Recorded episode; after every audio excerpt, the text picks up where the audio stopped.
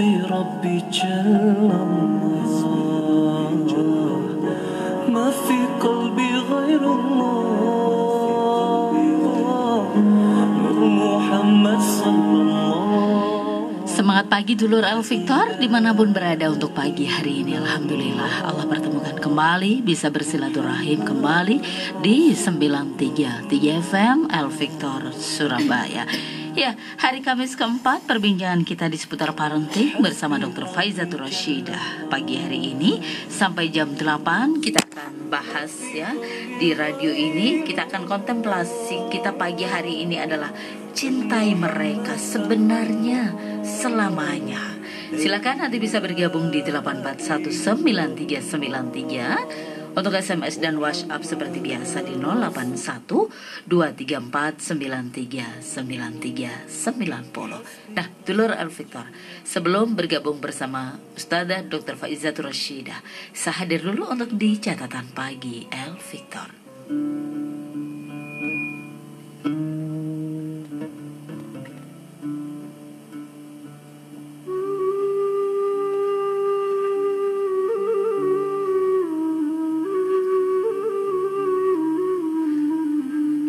El Victor, ada sebuah nasihat. Perhatikan pikiranmu, karena pemikiran akan berkembang menjadi kata-kata.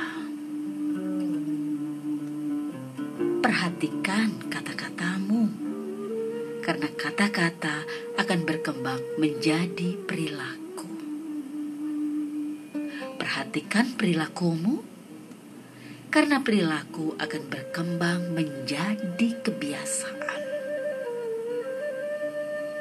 Dan perhatikan kebiasaanmu, karena kebiasaan akan berkembang menjadi karakter. Dan perhatikan betul karaktermu, karena karakter akan dapat menentukan nasibmu.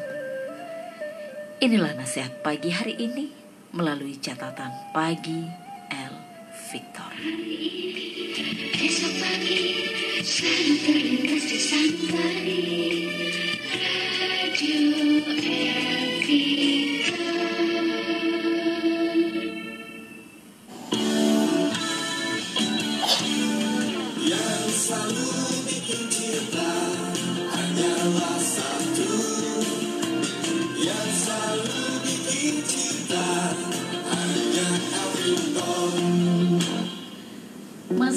Fajar Syiar El Victor, Sanik Maziz, ada Mas Elmi Ansori, ada Ustazah Dr. Faizatul Rashidah ya.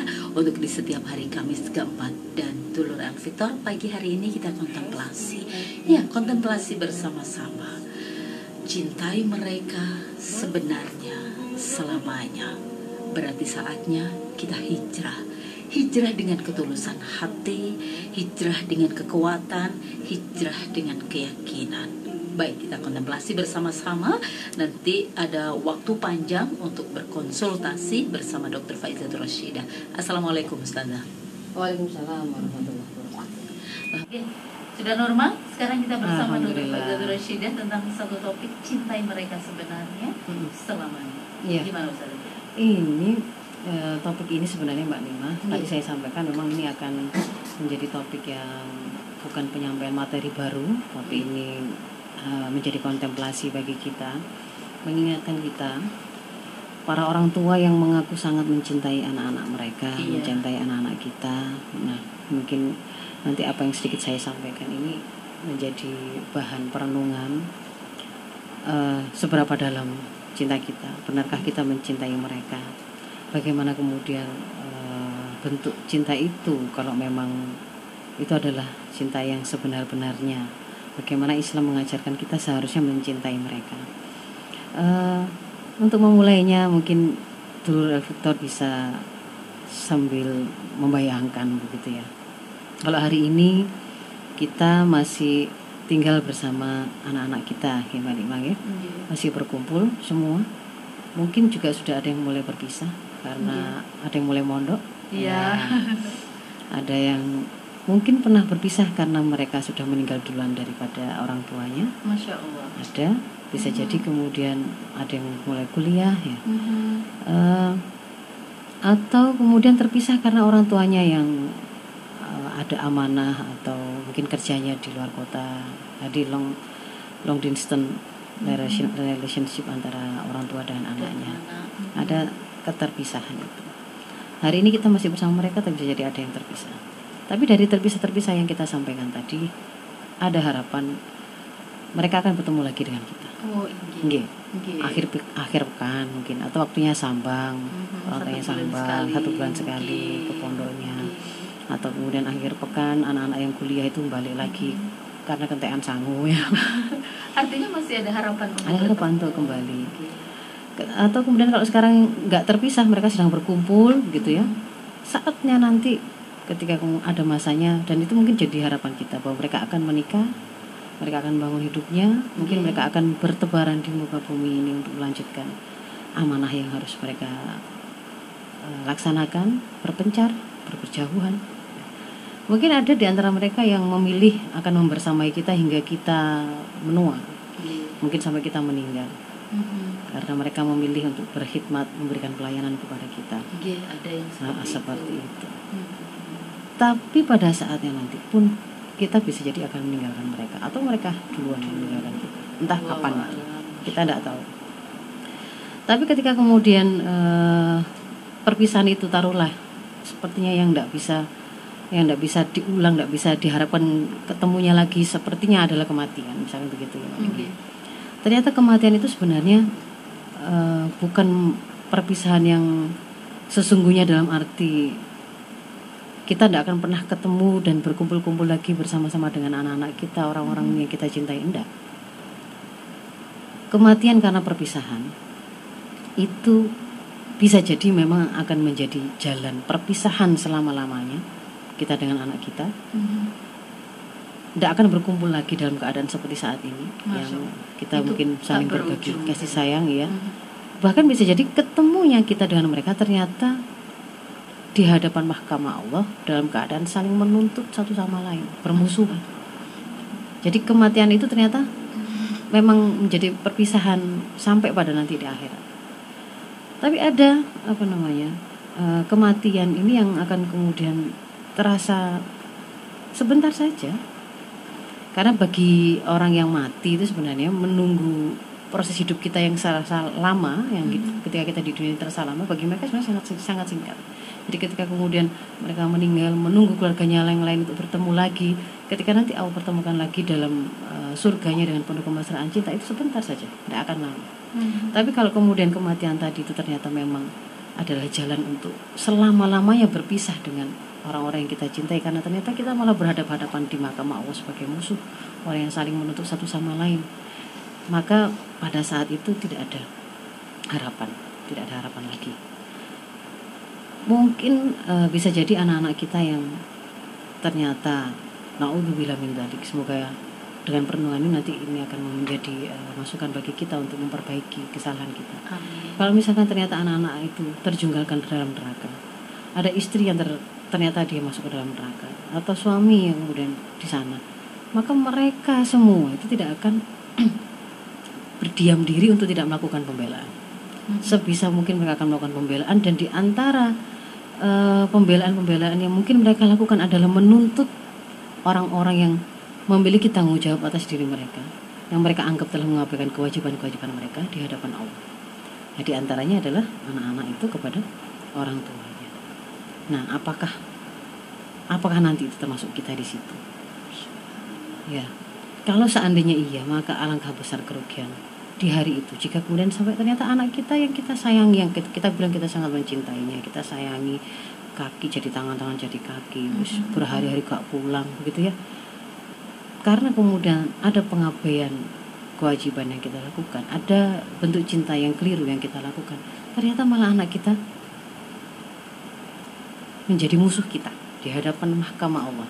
Mahkamah Allah itu tidak ada pengacara yang bisa membela kita bahkan para pengacara itu tidak akan bisa membela dirinya sendiri Mhm. Para Begitu. pengacara. iya Mhm. jadi kalau memang kemudian itulah kampung akhirat sementara ladang di dunia ini eh, dunia ini adalah eh, tempat kita mengumpulkan bekal atau kalau ini adalah ladang untuk menanam apa yang mau kita bawa ke sana maka sudahkah kita mempersiapkan anak-anak kita mempersiapkan diri kita untuk bersiap pulang ke kampung akhirat tersebut.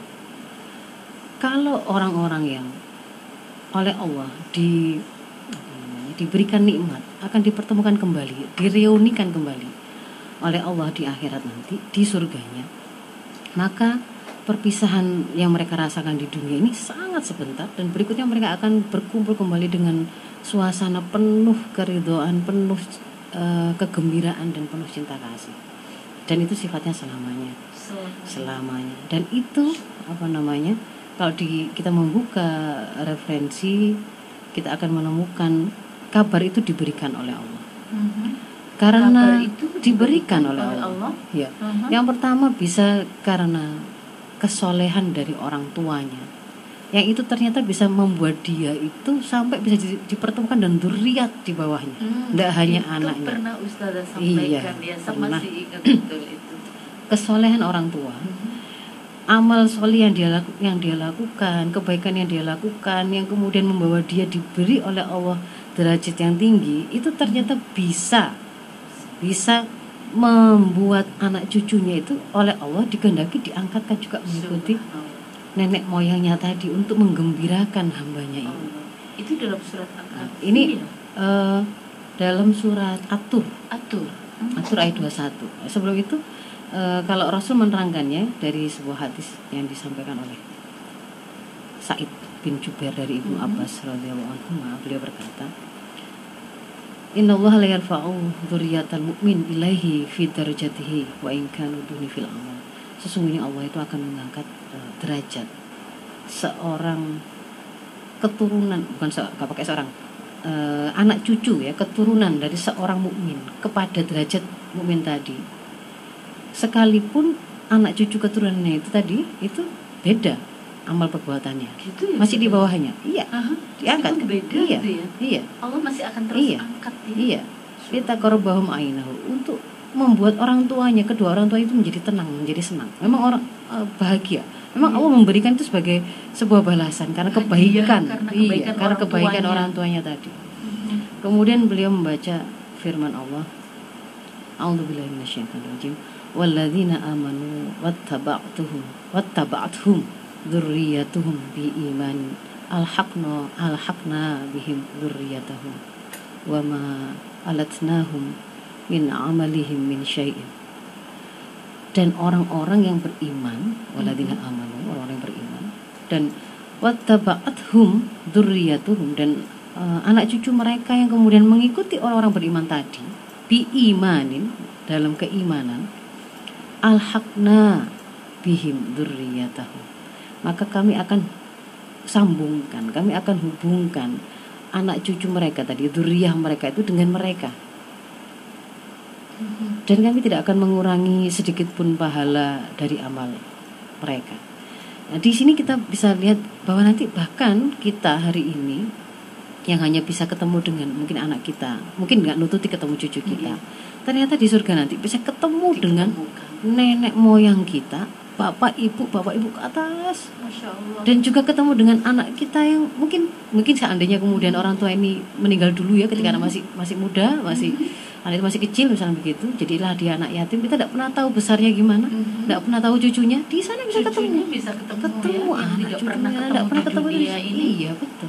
Bisa diketemukan sekali. kembali. Dan apa yang membuat mereka kok bisa dikumpulkan digabungkan ketemu lagi itu apa kalau hari ini kita eh, sering senang dan berharap dengan forum-forum reuni begitu ya mbak Nima Iya. forum-forum reuni.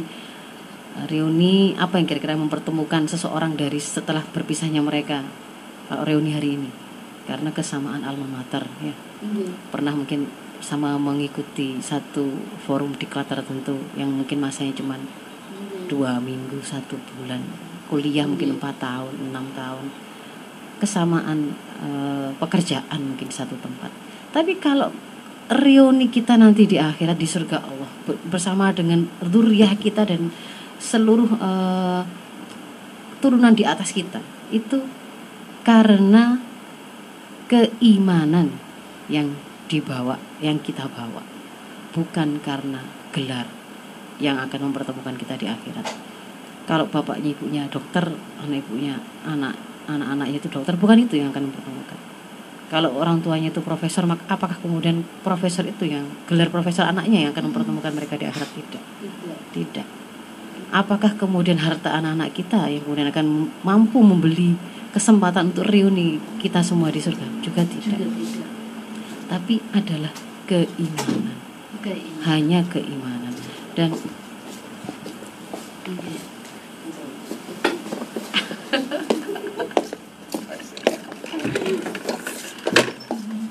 Kembali ini tadi ada. Mhm. iya.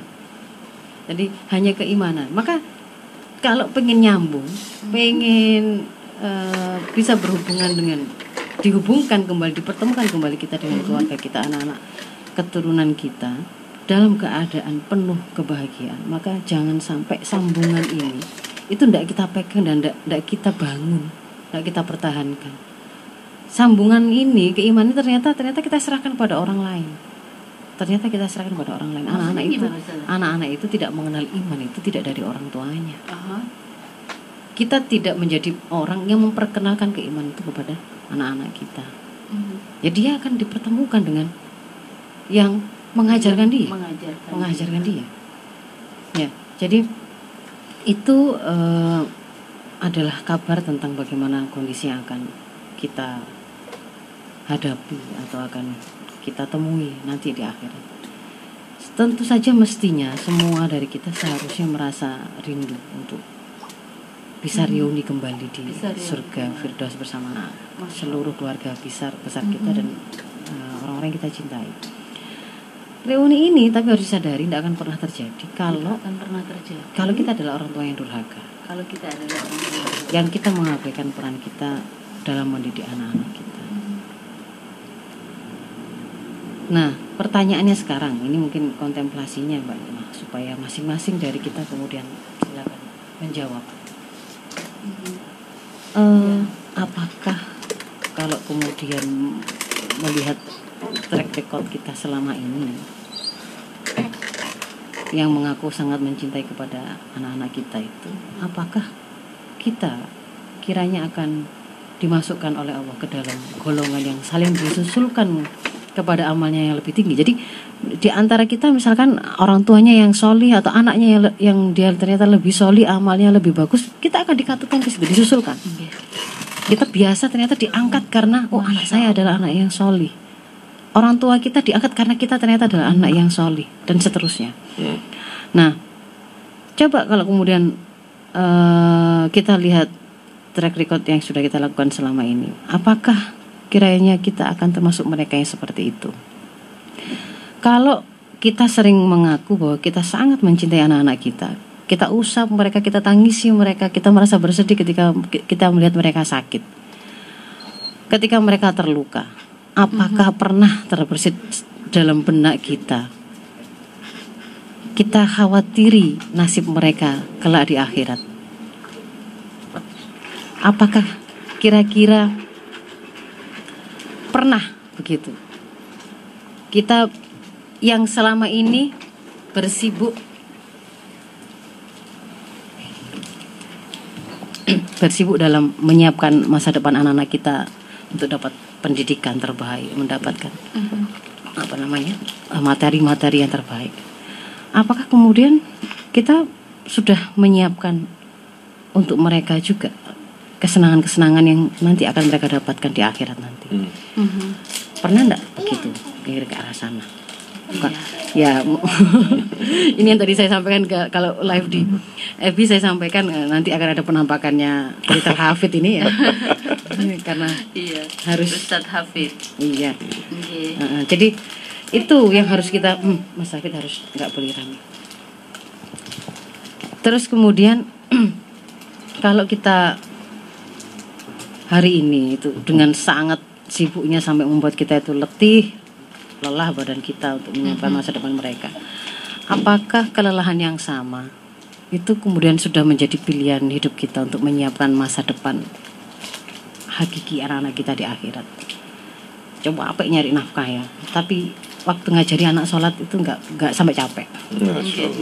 Saking Allah. sibuknya. Nah, enggak enggak merasa perlu. Enggak. Oh, enggak Oh, ngajari ngajari nggak usah sampai capek-capek begitu lah. Oh. diajak ngaji gak bisa ya wis Eh, jadi tidak padahal kalau tadi itu seserius ketika ah, ketika kemudian mencari. sampai di nih seleti apa pun tadi tangan sampai jadi kaki kaki jadi tangan hanya untuk itu tadi untuk Tapi mengejar. kalau urusan sholat, urusan mengajari anak Al-Quran tidak sampai kaki jadi Ah, kepala kepala jadi kaki begitu ya.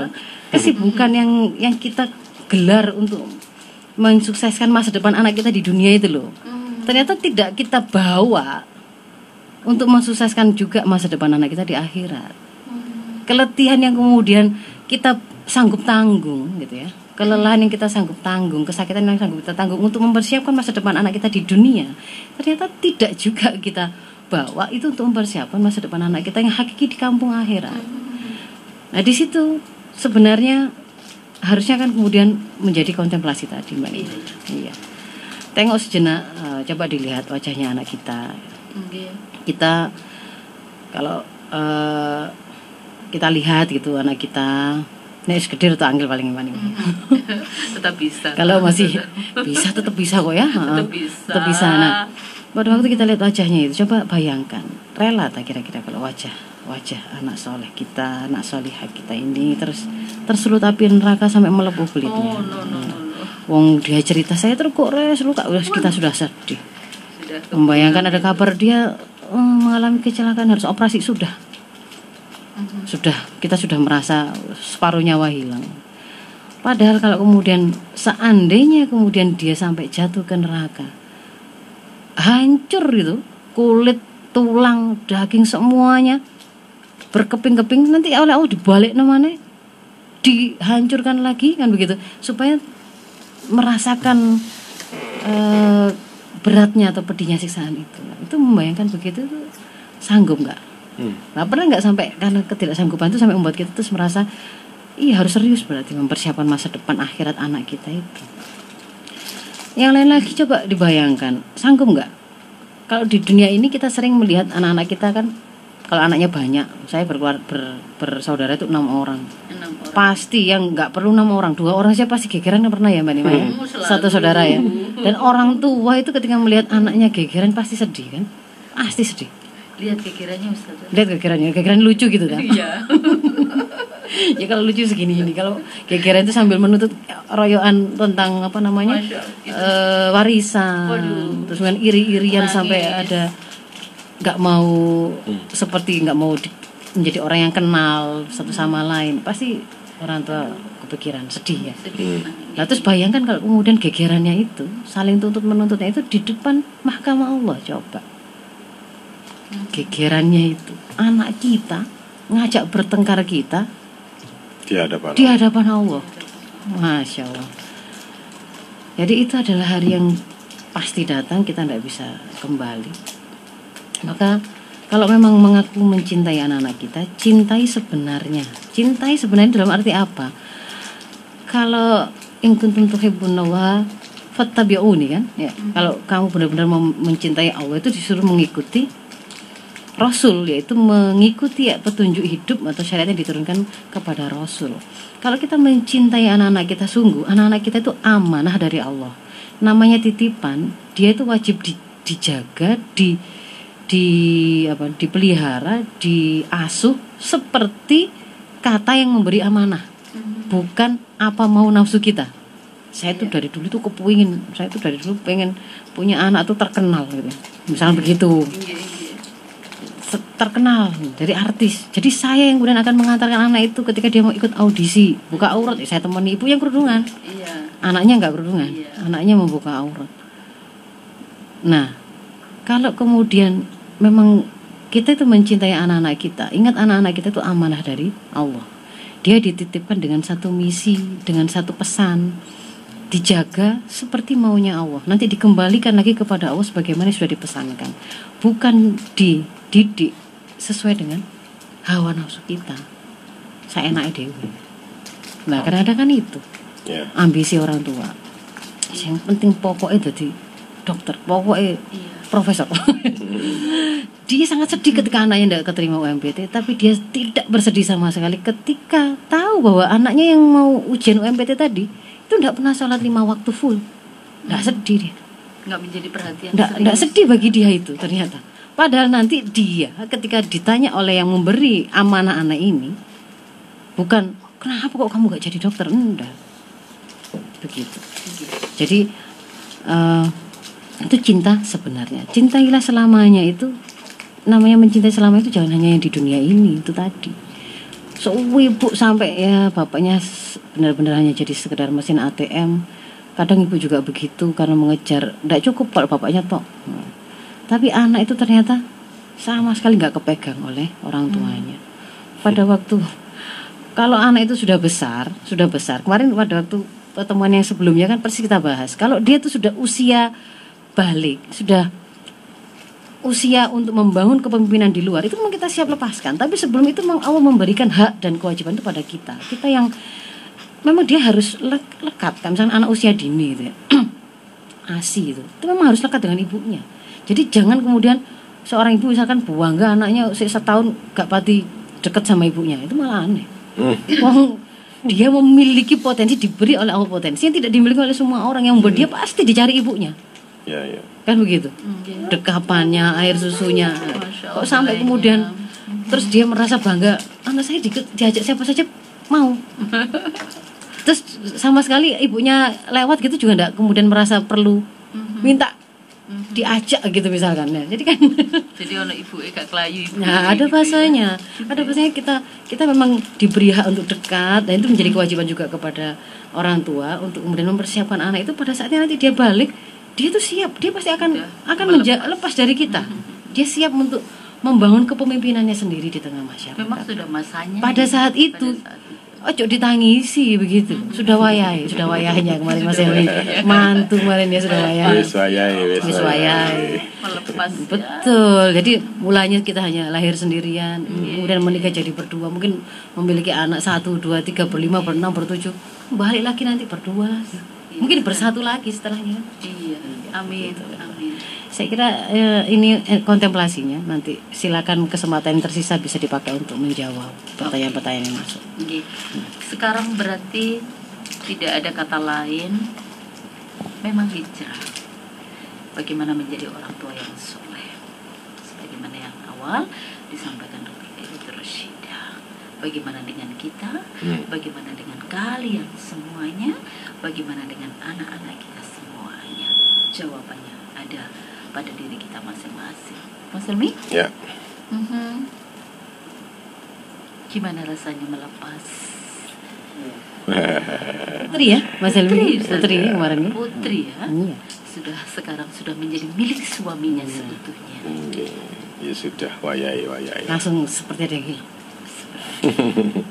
terasa berpisahnya itu artinya tapi sebenarnya mak apa amanah itu ketika kalau bagi para bapak itu mungkin terasa terasa plong begitu ya ketika sudah menemukan pokoknya sudah memastikan bahwa yang diserahi urusannya ini memang orang yang baik ya Iya. pasti pasti merasa Sudah Sudah pelong lega. lega. gitu ya. dan Allah dikandori Tidak ada gitu was-was. ya. Tidak, ah, betul. Tidak ada Nggak akan was-was. lagi. Iya. jadi kalau dia mau ke mana-mana sudah ada sudah saya serahkan ada sekarang Tidak. ada walinya Iya. Mm-mm. Tapi kadang orang tua itu ada yang separuh eh, masih digandoli terus Hmm. begitu. ya. Ada yang digandoli terus gitu ya. Iya. Iya. Semua kita pasti berpisah, tapi pastikan ketika berpisahnya itu, insya Allah akan menjadi jalan bertemunya kita kembali Amin. dalam keadaan yang jauh lebih baik dan jauh Amin. lebih, Amin. lebih membahagiakan. Iya. Iya. Alhamdulillah. Mas Helmi kita break dulu sebentar Ya, kita beri kesempatan yang mau lewat Mhm. Nanti silakan bergabung. Bisa 841 konsul. 9393 untuk telepon PA di 081234 939390. Baik, kita akan kembali setelah yang berikut ini.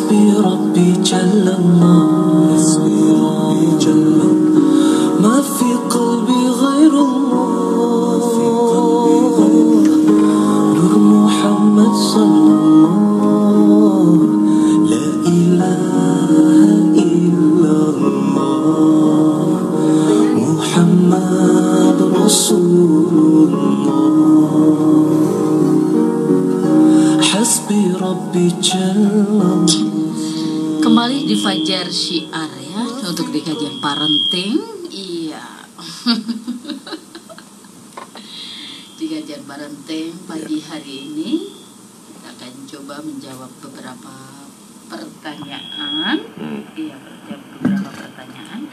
Silakan masuk di 841 9393 Iya. atau boleh masuk di WA Mhm. 081 234 9393 93. Ya. Di WhatsApp ini ada pertanyaan panjang Mas Erni. Hmm. Ada SMS juga. Monggo dipajang. Saya baca di SMS dulu G dari hamba Allah. Ustazah, bagaimana caranya saya sebagai ibu kok sulit ya memaafkan anak yang sudah melawan setelah sekarang mengenal perempuan dan selalu HP yang dipegang begitu. Hmm. Jadi ada perubahan pada anaknya begitu ketika mengenal seseorang, terus kemudian suka melawan ibunya, terus kemudian si ibu ini suka memaafkan si anak begitu. Nah ibu ini bertanya, Ustazah bagaimana caranya saya sebagai ibu kok sulit sekali memaafkan anak begitu. Begitu. Kalau sampai ibunya tidak bisa memaafkan itu sakno anaknya. Kasihan anaknya ya. Kasihan anaknya, Bu. Maafkanlah ibu, Apa pun itu kondisinya maafkan, ya. maafkan. Harus anak. dimaafkan ya, Bu. Maafkan karena itu nanti eh, tidak ridhonya ibu akan menyulitkan Anak. anak kita, meng- akan menyulitkan hidup anak kita. Tidak hanya di dunia ini tapi juga di akhirat. Mhm. Di antara Tidak hanya di tidak dunia. hanya di akhir tapi juga di dunia. Artinya bahwa di dunia akan Iya. ada dampak. ada dua dua kemaksiatan yang akan adabnya itu disegerakan zina dan eh, durhaka pada orang tua Zina dan durhaka pada orang tua ya Mhm. itu disampaikan di hadis jadi makanya kalau kemudian ada orang tua atau ibu misalkan langsung nyebut secara sorry begitu ya jelas. Saya tidak rela dengan air susu yang pernah bilang begitu. Oh. biarkan kamu begini sudah. Langsung gitu. Biasanya begitu. Itu kontan. Iya. Nggak nunggu di akhirat. Ya seperti Nggak itu. nunggu di akhir. Kalau- jadi orang tua sama zina. Kalau anak itu kemudian hanya katakan kesalahan itu hal yang wajar sebagaimana anak. Mm-mm. Yes, ya apa nggoda wong tuwa kayak gitu. Ya, itu Anu, coba kita pernah belajar pada sebuah kisah seorang sahabat Alkomah. alkoma Oke. Alkomah ya. yang Alkomah itu Rasulullah bukan itu ya. Alkomah itu bukan anak yang tidak soleh, Masya bukan Allah. sahabat yang ahli maksiat bukan. Hmm. bukan Itu sahabat yang juga soleh, Mhm. ahli ibadah. Nggih. Dia dia orang baik gitu. Pada waktu kemudian di akhir eh, hayatnya sulit meninggalnya itu. Kan begitu kan ya? Betul. ditalkin untuk untuk bisa menyebut supaya husnul khotimah gitu ya. Itu Sulit. tidak bisa. Meninggalnya juga sulit. Kemudian Rasul meminta ada sahabat yang lain berangkat ke ibunya nyusul supaya kemudian melihat anaknya. Ibunya kan tidak mau. Dari situ kemudian ibu eh, Rasul itu tahu bahwa ini persoalannya ada pada ketidakridhoan pada ibunya. Sampai kemudian terakhir beliau memberikan mengirim utusan untuk memberi kabar kalau ibu tidak mau memaafkan anak ini akan dibakar oleh Rasul. Padahal itu bukan orang ahli maksiat gitu loh maksud bukan saya. orang tidak soleh. Bukan orang tidak soleh. Mhm. bukan orang bukan orang tidak soleh itu orang soleh. Orang soleh. Karena ibunya juga pernah merasa ada ada Sakit hati. ada sakit hati.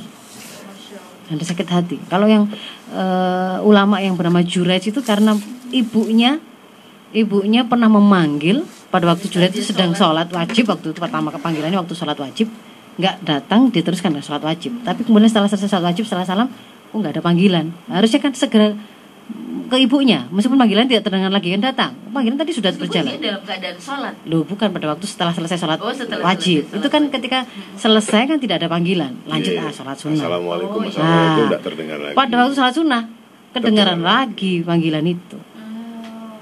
Dilanjutkan lagi. Sampai kemudian ibu itu ada Sehingga- kretek eh, ada kretek.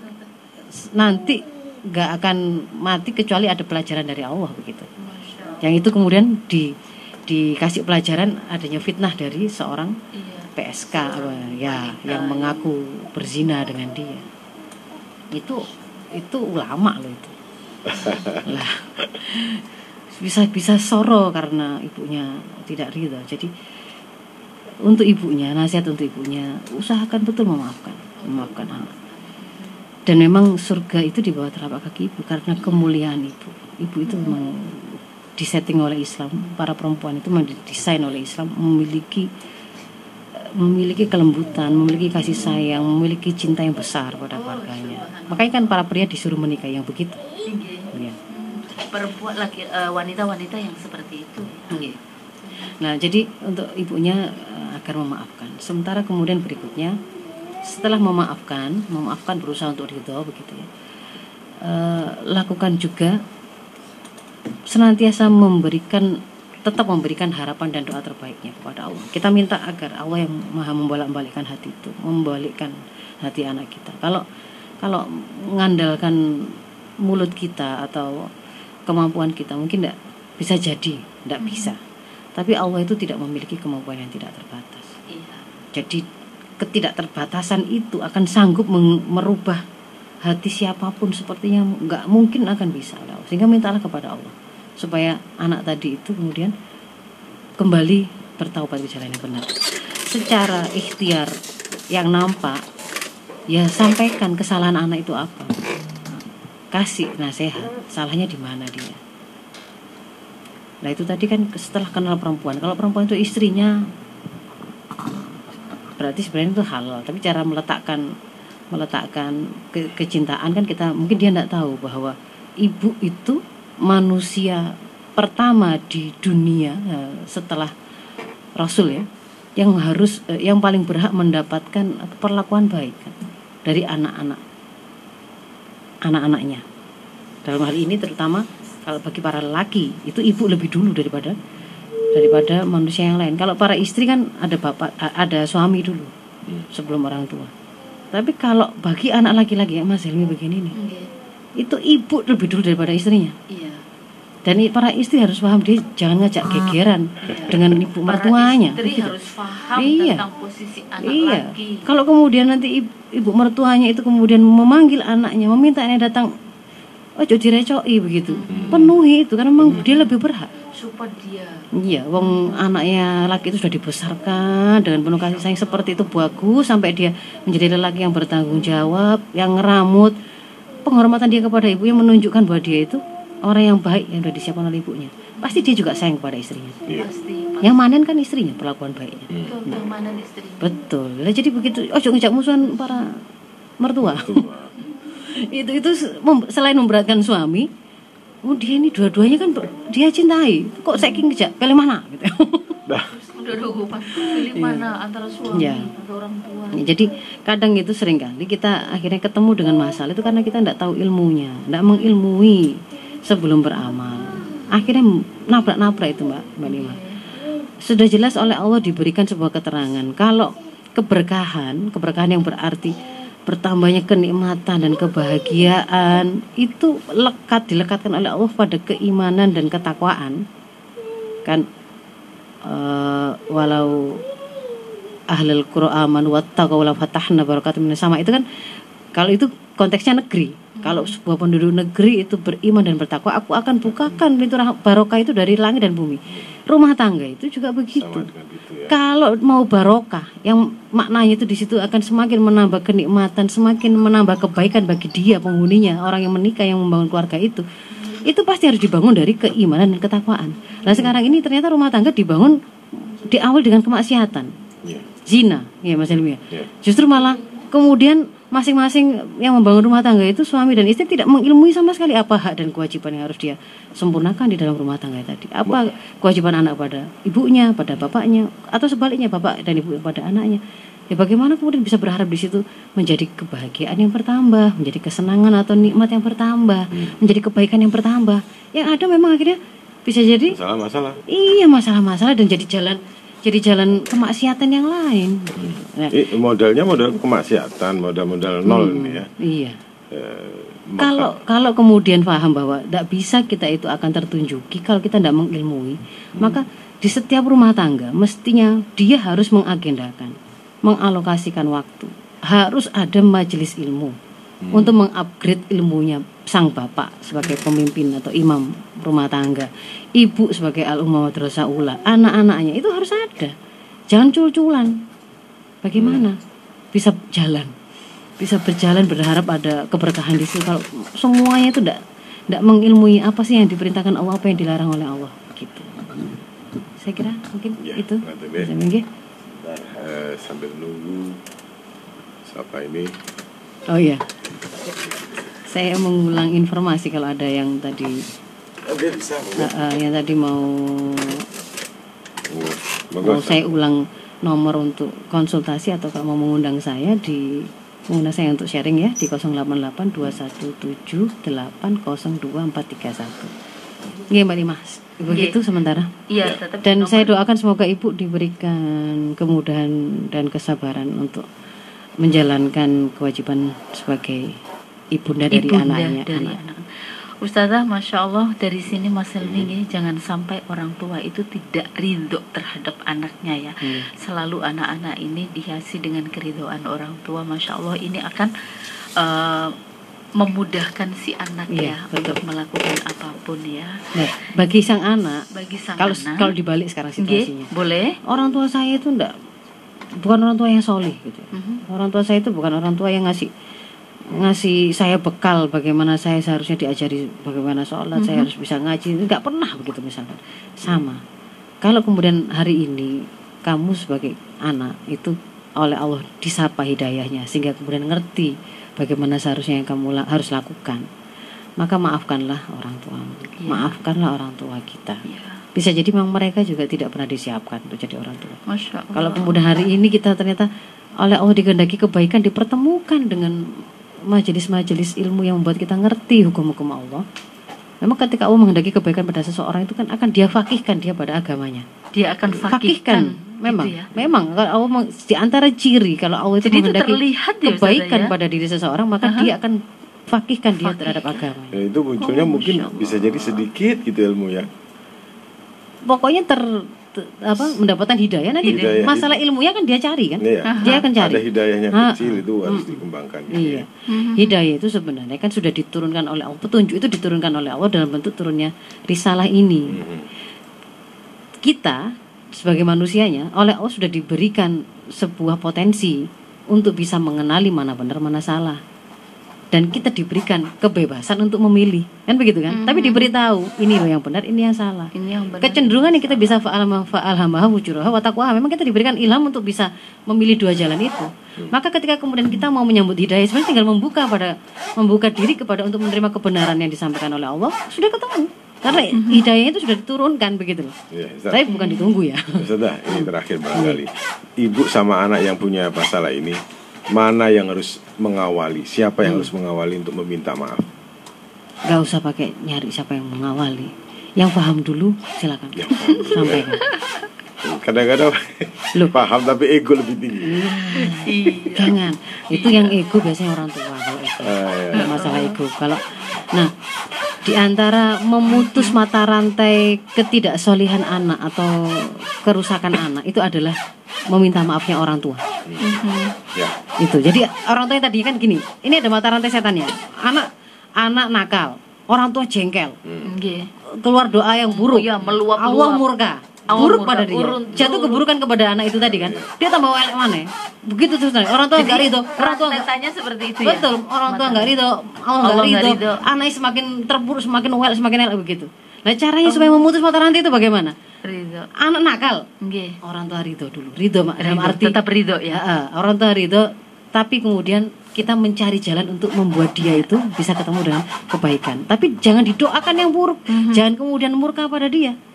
Tetap kita memiliki pengharapan terbaik pada anak. Kita minta maaf. Kesalahan kita kemarin di mana apa? Mhm. Lakukan ini ini dan seterusnya. Dan itu berlaku sampai kapan pun. Sampai anak meskipun besar juga sama. Meskipun nyawa itu sudah hampir di kerongkongan Nabi Nuh itu anak itu kan masih tetap ikut bapak gitu kan padahal dia sudah milih jelas milih loh saya tidak mau ikut saya naik gunung saya naik ini kan begitu tetap Ya. berusaha di ini ya jadi nggak usah ego nggak usah ego orang tua nggak usah ego belajar untuk bahwa keridoan kita itu sangat dibutuhkan oleh anak-anak kita. Dan itu akan menjadi awal kebaikan bagi mereka.